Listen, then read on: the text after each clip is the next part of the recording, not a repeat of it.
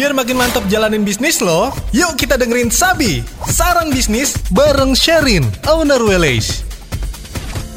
Yang pertama harus ada ciri khas dari thrift shop kamu itu apa? Karena sekarang tuh udah bener-bener merajalela banget bisnis-bisnis thrift kan. Jadi kalau misalkan brandingnya kurang kuat aja itu pasti bakal kalah sama yang lain kan. Itu yang pertama sih. Terus yang kedua jangan gampang putus asa gitu. Misalkan di batch kedua itu barang-barang kalian yang laku tuh cuma tiga piece atau bahkan belum ada yang laku sama sekali itu coba evaluasi kira-kira apa nih yang kurang. Karena kan kalau thrift itu kan uh, bagian foto editing itu tuh penting banget ya. Jadi coba dievaluasi lagi kira-kira pengambilan fotonya tuh bagus atau enggak. Terus kira-kira customer ini maunya tuh baju-baju yang kayak gimana sih? Customer hmm, sukanya tuh kayak gimana sih? Coba dievaluasi lagi di situ banyak-banyakin interaksi sama followers-followersnya sama customer-customernya itu tips yang paling penting banget juga itu harus konsisten ngupload barang, konsisten jualannya tuh harus konsisten karena kalau sekali aja kalian gak aktif dua hari atau tiga hari itu pasti insights Instagramnya tuh bakal nurun banget atau media sosial media sosial lain yang kalian pakai itu pasti bakal nurun banget sih.